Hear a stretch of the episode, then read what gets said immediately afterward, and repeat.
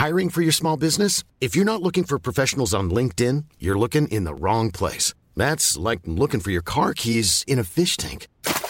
LinkedIn helps you hire professionals you can't find anywhere else, even those who aren't actively searching for a new job but might be open to the perfect role. In a given month, over 70% of LinkedIn users don't even visit other leading job sites. So start looking in the right place. With LinkedIn, you can hire professionals like a professional. Post your free job on linkedin.com slash people today.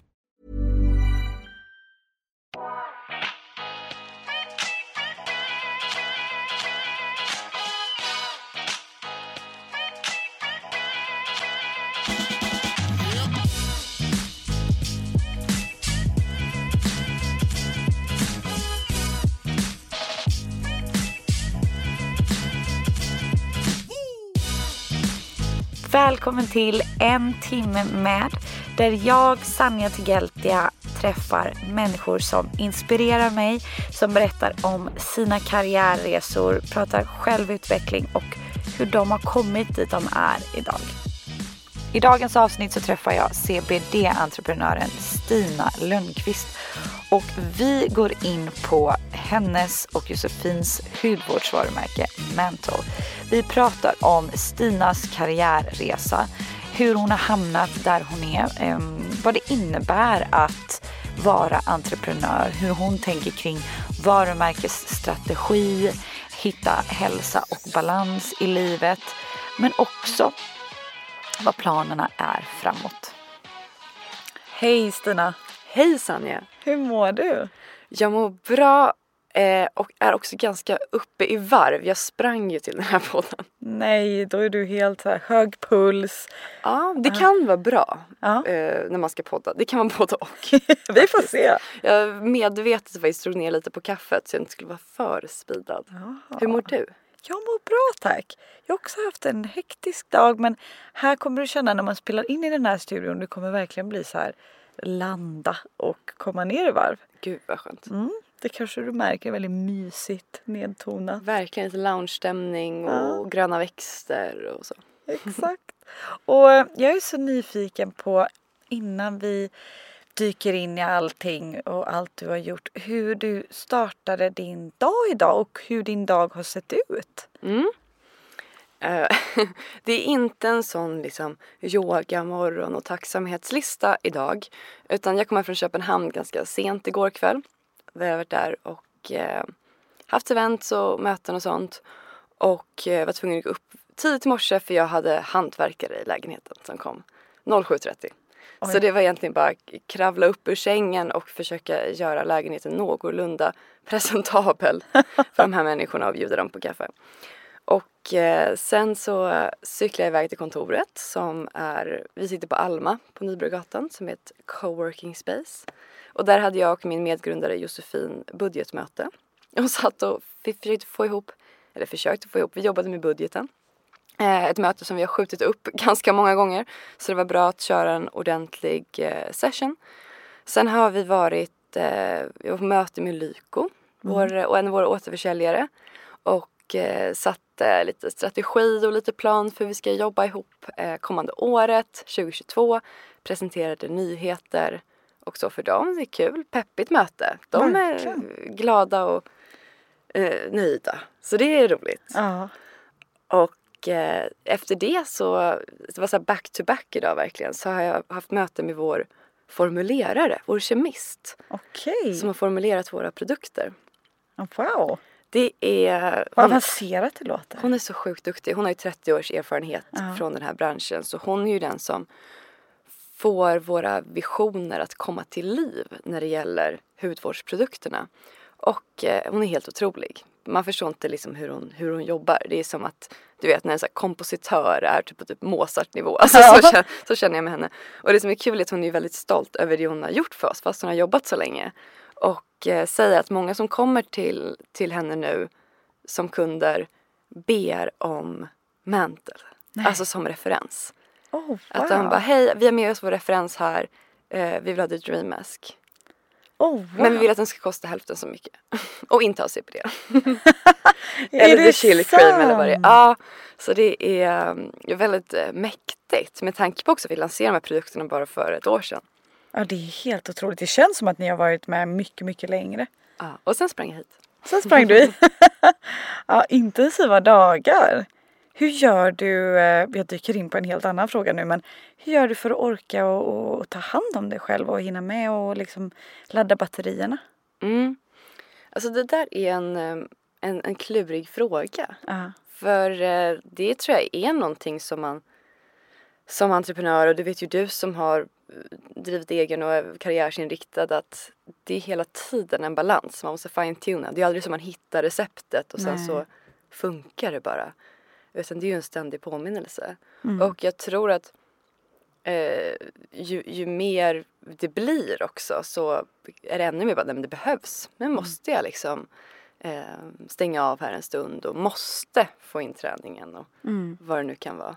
Mm. Samtidigt som jag inte går igång på stressen eh, på samma sätt. Alltså, jag var minst jag jobbade på eh, reklam och varumärkesbyrå. Mm. Då kunde man ju stressa upp sig för så mycket små saker. Ja. Och man var sur på kunden och det var mycket intern politik Ja. och det var så mycket grejer som man tyckte var så viktigt. Och nu så, som entreprenör när det händer liksom olika, alltså jag ska inte säga kriser, men det är olika saker man ska lösa och saker man ska ta ställning till. Hittar också efter ett tag bara ett, ett lugn i det. Det finns ju en, en, en sån referens med en metafor från, från krig, att det är Mm. general, sorry, generaler och nya liksom rekryter. Och när någonting smäller så springer alla de nya och gömmer sig och rustar upp sig och gör sig redo och får panik. Medan generalen eh, tar liksom fram och tänder en cigarett Mm. och står och chillar medan det liksom bomberna smäller runt omkring. Ja. Och lite så känner jag ibland att det blir. Så här, ja ja, det där kommer jag lösa. Du är generalen Det är nu. okej. I vissa dagar. inte, inte alla dagar. Men vad, vad häftigt och vilken intressant syn på det. För att jag menar det är inte lätt att komma dit och bli den där generalen som står lugnt i kaoset. Mm. För det är så jäkla lätt att ryckas med och stressa ihjäl sig och tro att det blir bättre av att bara jäkta upp sig och hinna med allt Ja. samtidigt. Verkligen. Och det är ju så mycket en mindset-grej. Ja. Alltså, jag försöker tänka på det mycket. Man kan ju rätt hamna i ett narrativ av att eh, I'm so busy. Mm. Min kalender är så full. Jag hinner inte med. Och så bara nu när vi träffas, hur mår du? Ja det är bra men det var hektiskt. Alltså så, man Mm. Ja, hamnar ja, i det, den känslan att jag hinner inte med, jag ligger Mm. efter. Och där försöker jag snarare känna att så här, wow vad kul att så mycket händer. Mm. Vi, vi är produktiva, här, här händer det grejer. Ehm, man hinner inte med allt hela tiden. Nej. Ehm, men gud vad vi lär oss mycket av det här. Ehm, Annars det, stressar man upp sig själv. Exakt. Det, det är ju mycket att man stressar upp sig själv. Mm. Du har helt rätt. Jag är så nyfiken på eh, bara lite kring, kring din bakgrund. Har du alltid jobbat med hudvård eller har du alltid varit entreprenör eller vad Mm. har du gjort innan?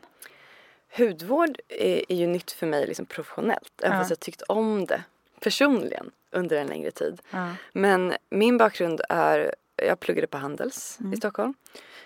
Både kandidat och master och jag visste absolut inte vad jag ville göra när jag började. Jag var nog en ganska annorlunda person på många sätt.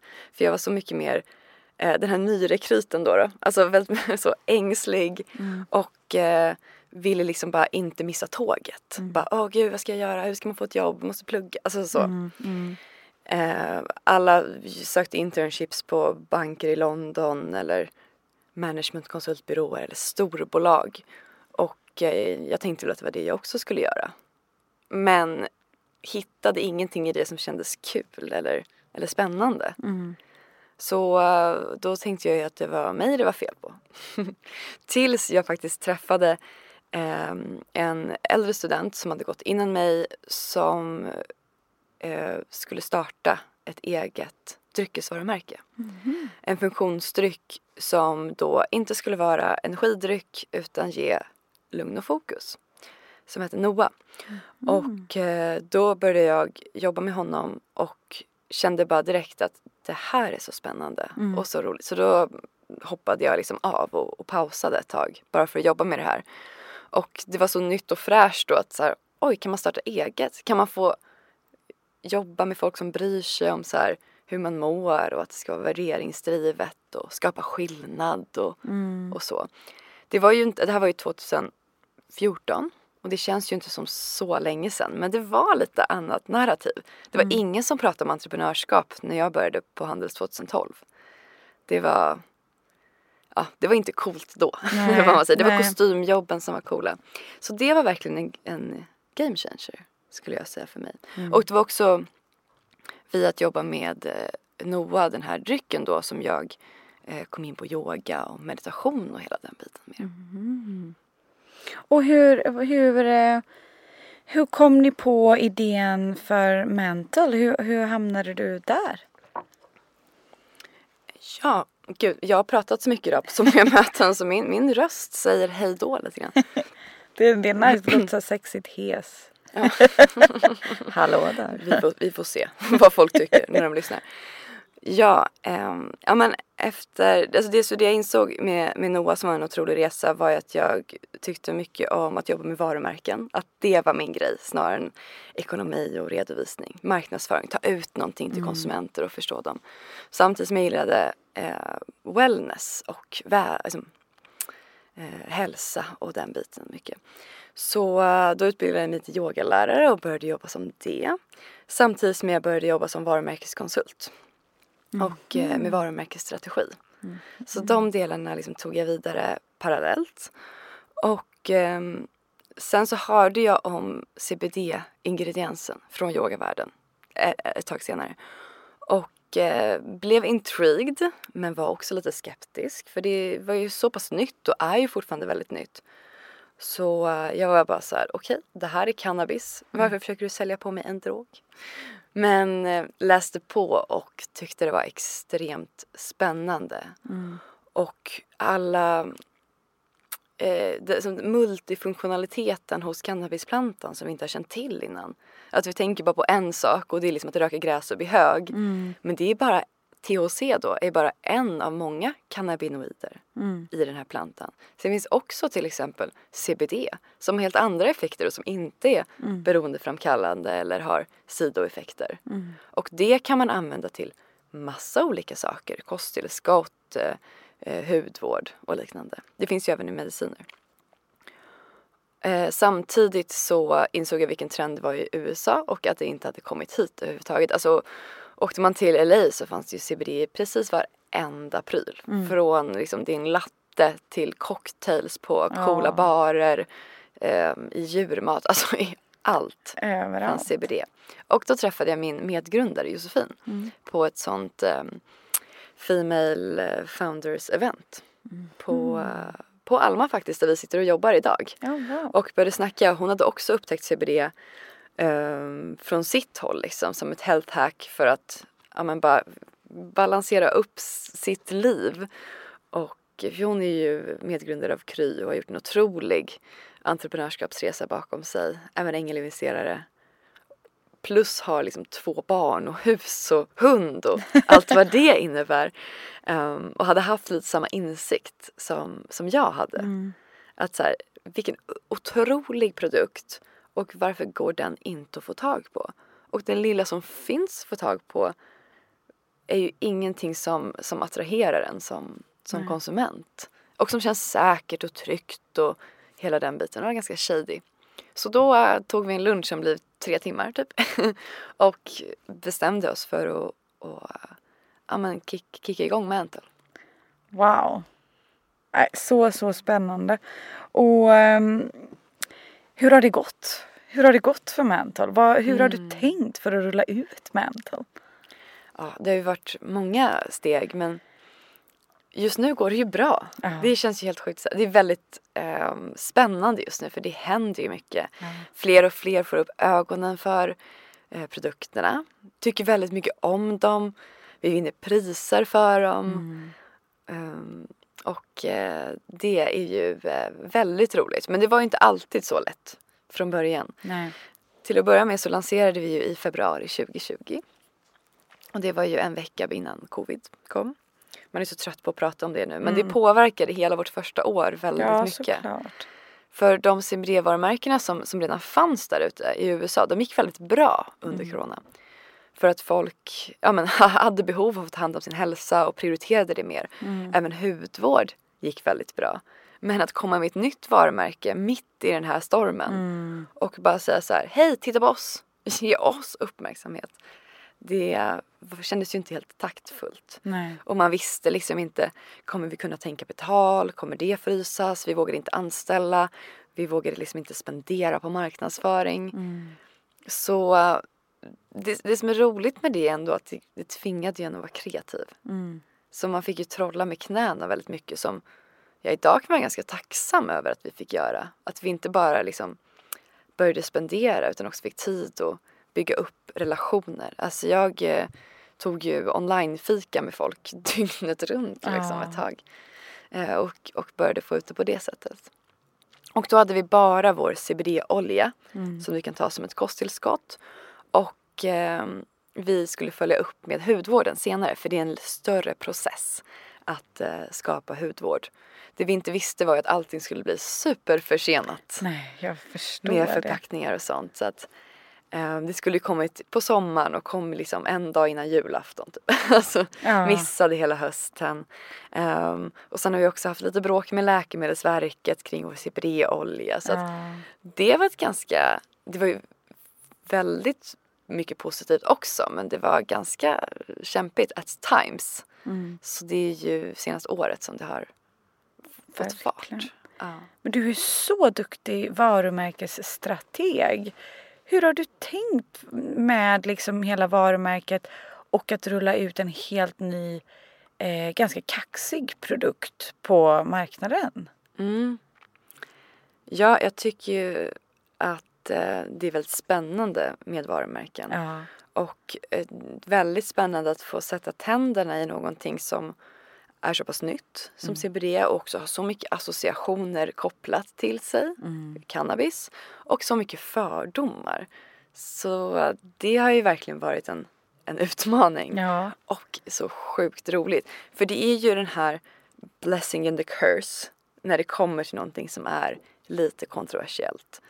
Det är lite stökigt för folk ställer mycket frågor och är väldigt skeptiska. Men det finns också jättemycket intresse och jättemycket att spela på och väldigt mycket nerv liksom man kan skapa. Ja, ja, ja. Men målet var ju alltid att göra ett, ett varumärke som inkorporerade både beauty och wellness. Det var väldigt viktigt för oss att det skulle vara två starka ben och det hänger ju ihop väldigt mycket. Och att sätta CBD på kartan här i Skandinavien och i förlängningen i Europa. Där man ju får lite annan kommunikation när folk redan vet vad det är. Exakt. Så därför också så, för mig var det väldigt viktigt att Mantle skulle verkligen stå på egna ben som ett varumärke och inte vara beroende av CBD som ingrediens. För så är det ju någonting väldigt hett. Att man vet att så här, det här kommer sälja bara för att jag står och skriker CBD. Jag gör gröna blad på hela förpackningen Ja. och så skriver jag cannabis. Och eh, kanske gör någon sån anmärkning och folk kommer köpa det. Bara för att det står CBD. För att det är spännande och det är nytt. Men när marknaden mognar och det kommer fler konkurrenter och eh, folk börjar bli mer vana vid vad det är. Ja men då måste man ju ha någonting annat som gör att folk faktiskt kommer tillbaka och väljer den igen och igen. Inte bara för den här ingrediensen utan för varumärket. Liksom, Starbucks kan ju inte gå ut och säga vi har koffein, kom och köp koffein. Utan de måste ju verkligen förmedla eh, något mer. Så det var liksom st- starten när vi började tänka oss, okej vad vill vi att det här ska stå för? Ehm, och speciellt när man jobbar med beauty. För oss var det väldigt viktigt att vi ville titta på vad gör beautyindustrin och kan vi göra tvärtom? Inte de här klassiska photoshoppade närbilderna på hyn när allting skulle vara perfekt och allt handlar om anti-aging. Mm. Oh ja. Um, utan någonting som faktiskt um, ja, men empower vårt community och de känner att de kan relatera till varumärket. Ja, men känner sig stärkta av varumärket. De aldrig spelar på folks problemområden och ska fixa dem. Utan att det mer är liksom någonting som, som hjälper dem och får dem att må bra. Och embracea sina problemområden kanske. Verkligen. Våga äga dem. Och, och sitt liksom- åldrande. Ja. Det är ju jätteläskigt med åldrande tycker ju alla. Mm. Och då är det väl tacksamt som varumärke att gå ut och säga så här, vi kommer fixa det här åt dig. Mm. Vi kommer fixa bort dina rynkor och linjer och det som hänger och det som Mm. puffar och det som ja, sjunker in och missfärgas. Det är jättetacksamt för folk är rädda, de köper det. Ja, ja. Det var inte där vi ville, ville vara. Vi ville eh, mer säga att så här, eh, ja hur ska man förklara det? Mm. Det här är en del av att vara kvinna. Mm. Det här är en del av att bli äldre och det är jäkligt sexigt att bli det. Och jag tänker, man tjänar ju pengar på att spela på folks rädsla. Folks problemområden och hela den biten. Nu när vi spelar in så är det ju Black Week. Många liksom är ju beroende av försäljning den här veckan. Många fastnar i rabattkodträsket året runt och för att liksom det driver försäljning. Ni är ganska kaxiga där. Hur, hur resonerar ni kring, kring hela den grejen och, och att våga eh, tacka nej till den typen av liksom, kampanj? Det där är ju väldigt svårt. Som konsument kan man ju tycka saker. Tycka att det är bra med kampanj eller tycka att det är coolt när man inte gör kampanj. När man är mitt i det så är man ju i verkligheten av eh, marginaler, försäljning, budgetar. Men också varumärke. Och jag i Mantle är ju eh, marknadschef så jag är både ansvarig för varumärket och för försäljningen. Ibland känner jag mig som Dr Jekyll och Mr Hyde liksom. Jag har de här två sidorna som skapar den här friktionen. Och eh, så ska man tänka långsiktigt, ska man tänka kortsiktigt? Hur svarar man på när alla andra pushar kampanj? Och vi har ju både egen kanal och vi har återförsäljare. Och vi har faktiskt precis nu stängt ja, men, sju återförsäljare, tror jag. För att de bara gick eh, kampanj. Ah, wow. Och som varumärke så får man ju inte sätta utpris. Man kan ju bara sätta rekommenderat utpris. Så eh, de kan ju egentligen rabattera hur mycket som helst. Och gjorde det på ganska osportsliga sätt kan man tycka. Så fort vi, vi kör en stor annons i tunnelbanan, ja, men sekunden efter så kör en av återförsäljarna 25% på Mantle. Ah. För att de ser att de kan hämta hem det när Exakt. folk googlar. Och det har verkligen varit en utmaning. Så då inser vi, okej vi får snäva till det här. Vi får tappa lite kortsiktigt. Hitta partners som vi kan planera med och som det funkar väldigt bra i kommunikationen med. Och ehm, att inte kunderna ska vänja sig vid att man hela tiden köper på kampanj. Ehm, för det blir ju en nedåtgående spiral. Tyvärr är ju beauty ganska inne i det. Att man vet Verkligen. att så här, Och mode. och mode. Ja. ja. Men så här med hudvård. Och vi försöker då hitta ibland att vi vill ge ett bra erbjudande men göra det på ett annat sätt. Vi vet att vi kommer inte kunna tävla med Lyko eller Kicks eller så med på rabatttåget. Det är inte därför de väljer att- Vi vill inte att det är därför de kommer till vår e-handel. Vi har ju majoriteten i egen e-handel. Utan vad kan vi ge till vårt community? Ja men så då har vi istället för Black Week har vi någonting vi kallar för Seven Days of Giving. Så vi fokuserar på faktiskt det som är den här veckans stora högtid, Thanksgiving. Och då har vi liksom eh, en produkt en dag. Den här dagen så får du, om du ehm, köper um, The Magic Milk, vår rengöring, så får du en extra som du kan ge till någon du är tacksam för. Och så har vi skickat med ett kort där det står liksom, jag ger den här till dig därför att jag är tacksam för att du är sån här. Ehm, och, och skapa sådana mer communitybyggande aktiviteter. Ja, fantastiskt. Och jag tycker det är som du säger otroligt modigt för att, att man vågar också lyfta blicken och tänka lite långsiktigt. Ja. Men det beror också på hur snabbt man vill växa. Och ja, precis, Vissa vad man vill ha för här, mål. Byredo gör aldrig kampanj. Man bara, nej men de tog också ganska lång tid på sig att hamna där de är Ja. idag. Har man lite så här snabbare tillväxtmål och, och, och så, då kan det också ibland eh, behövas göra Exakt. avvägningar. Så jag tycker inte att, jag tycker det är svårt att ha en tydlig regel för det där utan det är så situationsbaserat. Oh, ja. och, och beroende på vad man vill med varumärket och bolaget, precis som du säger. Eh, man vill bygga ett starkt varumärke långsiktigt eller om man kanske vill skapa snabb tillväxt och sälja av eller inte sig så mycket om att Exakt. bygga Det är varumärke. ju lätt att tappa kontroll över prisbilden, speciellt om man går för brett med många återförsäljare. Ja, Så det är ju också Verkligen. därför vi smalnar av. Vi vill behålla också kontrollen. Och att, så här, ibland får man en treat och det är det som är, det är väldigt härligt när man får det. Men man ska inte förvänta sig att det alltid finns. nej. Och utmaning också att välja rätt återförsäljare. Att de ska ha samma mindset och förstå Mm. eh, varumärket ni vill bygga och hela den biten kan ju inte heller vara lätt. Nej, verkligen inte. Och vi kommer ju inte från beautybranschen. Ja. Eh, Så vi har ju fått lära oss hela den politiken och strukturen och hur det funkar från grunden egentligen. Och hur är det att vara in i en helt ny bransch? Är det, är det utmanande att få sätta sig in i hela beautybranschen och hur det funkar eller har ni bara så här gått på känsla och kört? lite, lite både och. Det, det är ju väldigt roligt att få lära sig någonting nytt. Alltså, Ja. Det är jag så tacksam över. Och det försöker jag tänka på när jag tycker någonting är svårt eller jobbigt eller man inte kan något. Att så här, fan vad tacksam jag är att jag utvecklas. Mm. Och att när jag ser tillbaka på den perioden så kommer jag ha lärt mig så mycket. Jag kommer inte ha stagnerat Nej. på ett jobb. Ehm, och sen, ja, nu kan vi det här.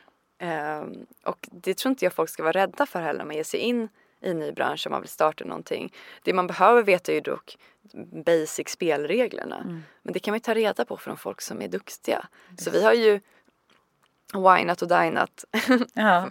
folk som har jobbat både som inköpare på varumärkessidan och på storbolagssidan och så här, hur funkar det här? Har ni något tips? Vad ska vi tänka på? Ehm, Det finns ju väldigt mycket hjälp att få och det ska man inte vara orolig för att, för att fråga. Nej. Gud vad, vad bra. Och Har ni, har ni mött kritik eller motstånd? Folk som är anti produkterna eller alltså det här nya med, med liksom CBD och, och att det känns främmande eller att folk har gått emot på något sätt? Ja, absolut. Men Det har ju varit mycket baserat på fördomar. Mm. Att de tror att det är någonting det Ja. inte är. Att de tror att det är olagligt till exempel är väldigt vanligt. Ja. Hur kan ni sälja en olaglig produkt? Om den var det hade vi nog antagligen inte sålt den. Eller fått sälja den. Ja, det- Nej men precis. begått brott. Liksom. Ja. Ehm, så där handlar det mycket om att, att utbilda. Sen finns det ju alltid folk som har åsikter. Men det är också inte de som är vår kund. Utan vår kund är ju de som tror på det vi gör och gillar det vi gör. Och eh, det går ju inte att bli älskad av alla. Och försöker man bli det så blir man ju ett varumärke som också försvinner i mängden. Som så är det här klassiska, är man för alla så är man för ingen. Mm. Så så är det ju. Men vi har ju fått mycket mer eh, praise än vad vi har fått eh, kritik Mm. ändå kan jag tycka. Sen så har vi ju eh, ja, haft våra duster med Läkemedelsverket till exempel som Mm. tycker, eh, alltså jag ska inte säga att de tycker annorlunda än oss men de har ju, vi vill ju professionalisera branschen och vi vill reglera så man vet hur man får säga, vad man inte får säga, hur man får sälja det. De är ju med att de försöker hitta kryphål för att stoppa oss, vilket de har försökt göra. Så det har ju varit väldigt frustrerande. Jag förstår. När vi ser att liksom, här finns det ganska mycket eh, på vissa sätt oseriösa spelare som försöker sälja lågkvalitativa produkter med helt galna claims som att det ska hjälpa alla möjliga sjukdomar. Och vi vill ju verkligen göra helt tvärtom. Och sträckte ut en hand och var så kan vi, kan vi göra tillsammans? Finns det någonting vi kan göra för att professionalisera branschen så konsumenter kan känna sig trygga? Hitta en standard, hitta en kvalitetskontroll. Hitta liksom, du vet, vilka claims får man göra, vilka får man inte göra. Men det var de inte alls intresserade av.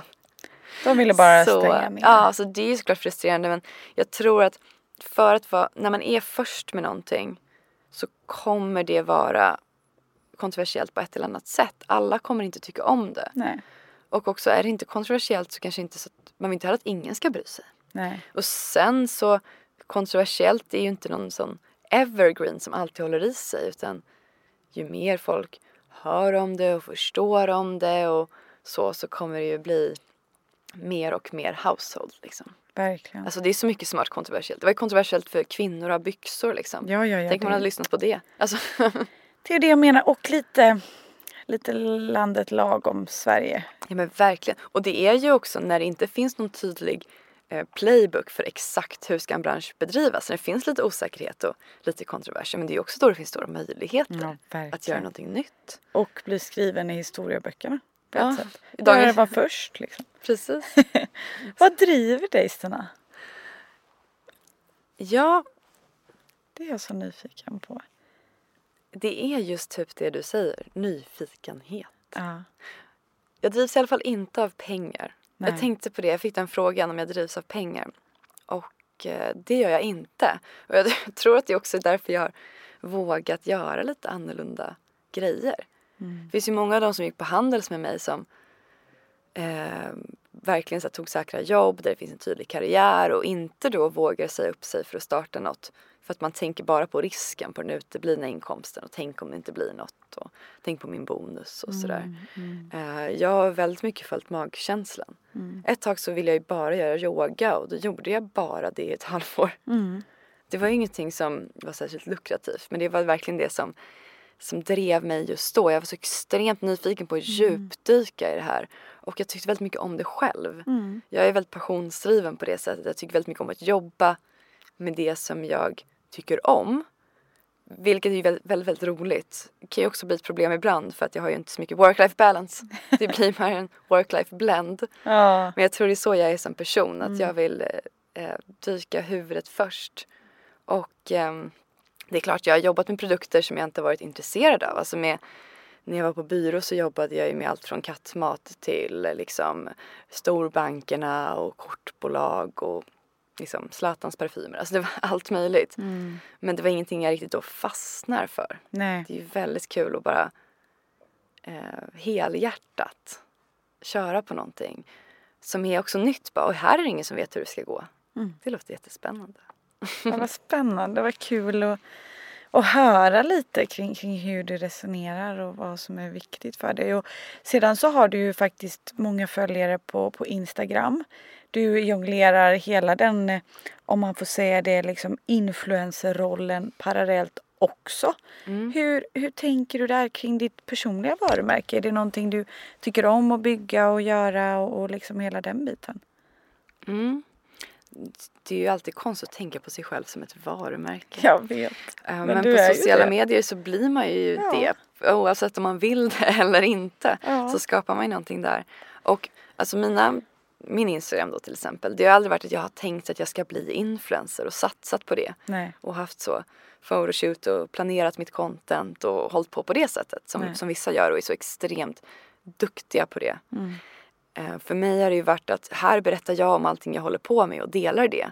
Och sen får ni hänga med om ni vill. Mm. Och att det innehållet kommer att spegla var någonstans jag är i livet och vad jag är mest intresserad av just då. Mm. Vilket kanske inte är det mest strategiska om man vill ha många följare och vara nischad. Men jag kan liksom inte göra det på något annat sätt. Det, mm. det måste bli en förlängning av den jag är. Så ett tag var det ju väldigt mycket yoga. Mm. Pratade mycket om det. Folk var väldigt intresserade mycket om meditation.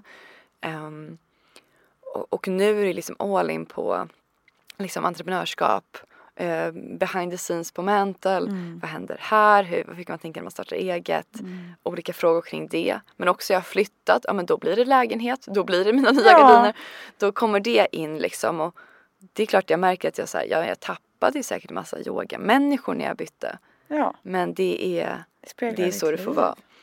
Och eh, jag är nog jag är så mångfacetterad. Alltså jag älskar bara att stänga av ut i naturen, meditera. Eh, men, men jag vill också ha stadslivet mm. och som att jobba hårt. Men även typ så dricka vin. Ja men du vet hur man är. Mixen. Mixen, precis. Så mm. Eh, det är mycket det som, som kommer ut. Men jag vill också kunna vara en, en relaterbar person för framför allt unga kvinnor mm. som är eh, eller äldre kvinnor också som är sugna på kanske hitta liksom mening och bara känna att allt är möjligt. Ja. Och att man kan eh, följa sin dröm typ. Det låter ju klyschigt men Ja, och det, men det, det, det låter klyschigt men det är, det är därför man någonstans följer dig. Mm. Och det är därför du växer. Eller liksom förstår du? Att det är en mix, det är ditt liv. Det är, det är en balans, en jakt på att hitta balans. Eh, ja. Många vill, kan känna igen sig för att vi alla strävar efter det. Tittar man hur gör du och liksom inspireras av din resa och sådär. Hur tänker du kring företag som vill jobba med dig? Är det här eh, liksom din, dina sociala medier, din, din Instagram någonting du vill bredda och göra mer av? Eller är det att mm. det får komma och gå lite som det blir? Jag tycker det är jäkligt roligt att ha den plattformen. Alltså vad kontakten med människor och eh, vad det möj möjliggör. Mm. Så det har jag gärna kvar. Och eh, att just kunna prata om de ämnena som man tycker är viktigt liksom. Mm. Ja men till exempel jag tycker att femwashing och liksom fler kvinnor i näringslivet är Mm. jätteviktigt. Superballt om jag kan ha fler personer att, att berätta det för. Mm. Sen har det också varit väldigt tacksamt att ha eh, det kontot både för att såklart kunna ha, berätta om Mantle och folk är, är mer benägna kanske att följa en person än att bara ett varumärke. Mm. Så, så det har ju varit positivt så. Men också vissa samarbeten faktiskt gjorde ju att jag kunde, alltså när jag startade Mental, jag hade ju ingen lön på 14 månader. Mm. Och då kom det en liten, en liten skjuts från Ja. eh, Instagram. Men det var ju toppen. Det, det Ja, var ju det som gjorde att jag eh, till stor del kunde göra det. Och sen så är jag väldigt selektiv. Jag har ju ganska lite tid så det blir väldigt Mm. ad hoc. Det dyker upp lite här och där. Ja. Och säger nej till väldigt mycket förfrågningar och sånt bara för att ja, jag måste prioritera. Så liksom 100 procent, typ så här 150 procent av min tid till eventet. ja, jag köper det för det tar mycket tid. Ja. Vad ser du liksom som fördelar versus nackdelar med att köra eget race? Oh, jag fick faktiskt den här frågan på, på lunchen en dag, en gammal kursare som Aha. jag träffade som just var i stadiet att lämna liksom eh, management consulting och investment banking och hoppa på ett startup scale-up eh, och, och köra den resan. Hon frågade mig samma sak. Och, och jag tycker ofta de går ihop på något vis. Alltså det som är det allra bästa det är ju friheten att kunna skapa, att kunna bestämma. Att vara så himla nära det du gör. Att känna liksom att eh, det som jag gör påverkar direkt. Och det är också en extremt stor stolthet och glädje när man gör det. Och teamet ihop, man blir som ett jättestarkt sammansvetsat gäng som är som en liten armé som bara let's do this. Alltså det är så roligt. På ett sätt som man kanske inte känner om man är på ett storbolag eller så. Det är någonting som bara är underbart att ta någonting från noll och bygga det liksom. Mm. Så- Och det som är nackdelen med det är ju just det. Ja men så här, ja man är typ inte ledig. Det är den klassiska memen att förut så I don't want to have a 9 to 5 job so I quit and now I work 24-7. Ja, det är så. Det är ju lite så att så här, vart sätter man gränsen? Man kan alltid göra mer. Det är ingen som säger till en så här, du har gjort tillräckligt, ta semester. Nej. Det händer ju inte. Och eh, när någonting är jobbigt så är det ju så himla nära också. När någonting inte går bra, hur känns det då liksom? Mm. Eh, det blir ju ganska, det kan ju bli ganska personligt på det sättet. Verkligen. Ehm, så det är ju två sidor av, av samma mynt, typ. Ja. Och kanske såklart negativt, det beror på vad man har för mål ehm, i livet. Så här, är det att man vill ha ett högavlönat jobb? Nej, kanske inte ska bli entreprenör då. Nej. Kortsiktigt. Kanske inte passar alla. Nej, det passar nog eh, inte alla. Och det är inget som är bra eller dåligt. Jag tror bara man är olika. Ja. Jag läste en teori om att vissa är employee-oriented och vissa är owner-oriented.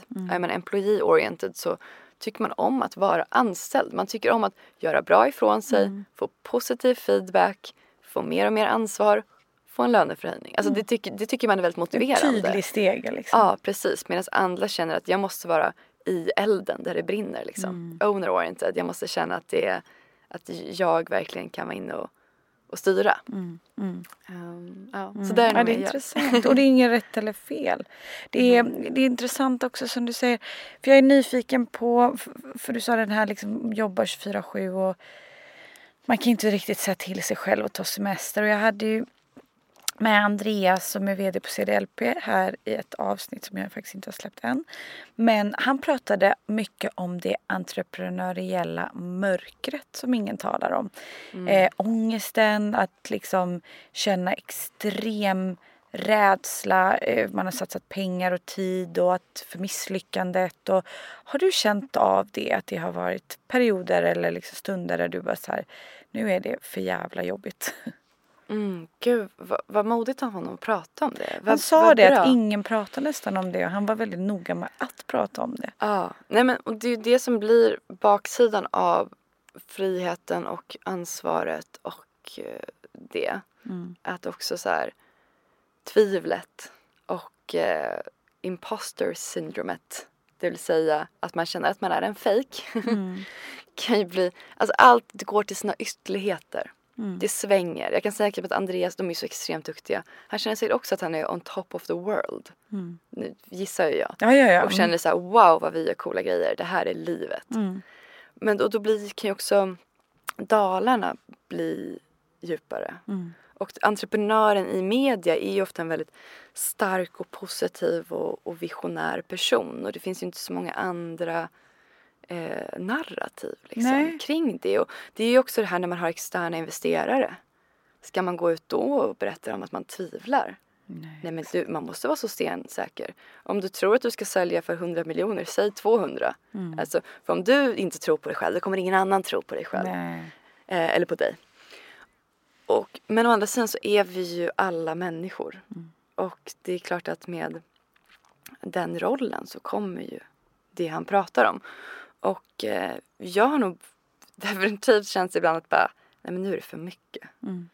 Och det kan vara små saker som får bägaren att rinna över. Det är ofta när man liksom inte är så balanserad för tillfället. Något sista grej, alltså någonting kör ihop sig, diskmaskinen går sönder och man bara det är för mycket. Jag vill inte ha något ansvar. Ta ifrån mig allt ansvar. Det är anställda och det är investerare och det är produkter och det ska säljas och det ska växa och bara kom och typ så lägg mig i en sån känguru, kängurupung och bara så squeeza typ. Mm. Det är det, det kan ju inte bara försvinna och dra utan det är ju mycket ansvar. men precis och eh, men sen kommer en dag igen då, då det känns roligt liksom.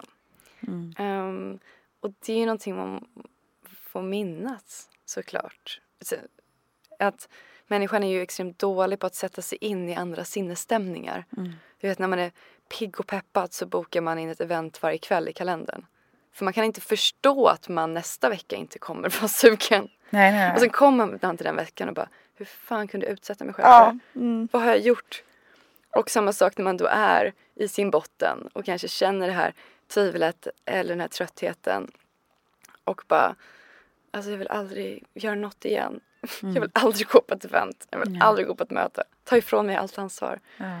Men det kommer inte alltid vara så heller. Det Nej. är det som är också fint för vara människa. Att everything's passing. Mm. Och det hör ju ihop med lite den här generalen jag pratade om i början också. Mm. Att man blir lite så här, det här känner jag igen. Det känns så nu. Kommer inte vara för alltid. Nej, exakt. Um, men det entreprenöriella mörkret, absolut. Tack finns för det att du delar med dig. Det är ändå modigt. Jag tror att det är viktigt att, att prata om. Eh, han var väldigt noga med det och jag har tänkt mycket på det efter det. Att det är viktigt att inte försköna. Eh, att, Och i, i den rollen, nu är vi väldigt ärliga, så både jag och Josefina är extremt ärliga som personer och väldigt autentiska och vi, Mm. är- what you see is what you get och vi har en extremt ärlig dialog med varandra. verkligen. Och vi vet alltså att vi skulle inte må bra av att måla upp ett luftslott. Mm. Vissa entreprenörer går ju på det all in. När man ser det i förlängningen när det går liksom för långt är det ju som Elizabeth Holmes som har ju eh, Theranos. Alltså hon, det här blodskanningsbolaget som bara blew up att det var ett luftslott. Eller som WeWork, grundaren, när det också var så här, gud vad är det här egentligen? För just sådana karismatiska personer som bara bygger och bygger och bygger det här stora luftslottet som till slut kan pickas hål på. Och de har ju blivit som personer lite så eh, svartmålade nästan. Men, men det man glömmer är att så här, det här är en struktur som finns i hela entreprenörskapsvärlden. Så här, investerare pushar på, grundare pushar på och de vill att det ska gå bra för sen ska ju fler investera. Man, man pushar upp de här värderingarna liksom jättehögt. Så det är ju lite av en bransch ehm, grej som jag tror är ohållbar också. Mm. Och jag tror också ju mer man har gått ut och ljugit eller överdrivit för andra desto sämre tror jag också man kan må själv för att man inte bottnar i det. Mm. Ja, för att man verkligen. vet att det inte är sanningen. Alltså man har ju imposter syndrom som det är. Alltså jag har ju master från handel så känner jag ändå att jag är underkvalificerad Ja, men ibland. det så. gör vi alla liksom. Och det, om man då också hade stått där och, och eh, liksom målat upp det här liksom för att det förväntas av en. Det, det tror jag, jag tror det kommer komma liksom en, en, en ny våg Mm. eh, av det. Min mage kurrar. Jag vill, eh, det är så sjukt att vi redan har pratat en timme typ. Det känns som, ja det är helt sjukt. Det är, jag är så nyfiken på vem du hade velat höra i den här podden. För det är ju faktiskt en som har önskat dig och, och ja, ja det, det. Vem var det? Det måste jag kolla upp för jag kommer inte Behöver ihåg. inte säga i podden. Nej. Men det var en gäst. Mhm. Ja. Jag, jag skulle vilja höra Magdalena Andersson. Oh, wow. Sveriges statsminister. Som inte längre är det. Vad sa du? Hon avgick. Nu direkt. Ja, det- Typ fem minuter sedan. Shit. Ja, Så här går det när man har möten back to back. Jag vet och att ingen har hunnit uppfatta det. För det har gått så snabbt. Hennes budget blev nedröstad. Okej, oavsett. Jag vill höra Magdalena Andersson. Bra. Mm. Tack. Tack snälla. Tack så mycket Sanja. Om ni gillar podden så får ni hemskt gärna dela den här med era vänner. Men också gå in och prenumerera och jättegärna lägga en liten kommentar. Det hade gjort mig så otroligt glad.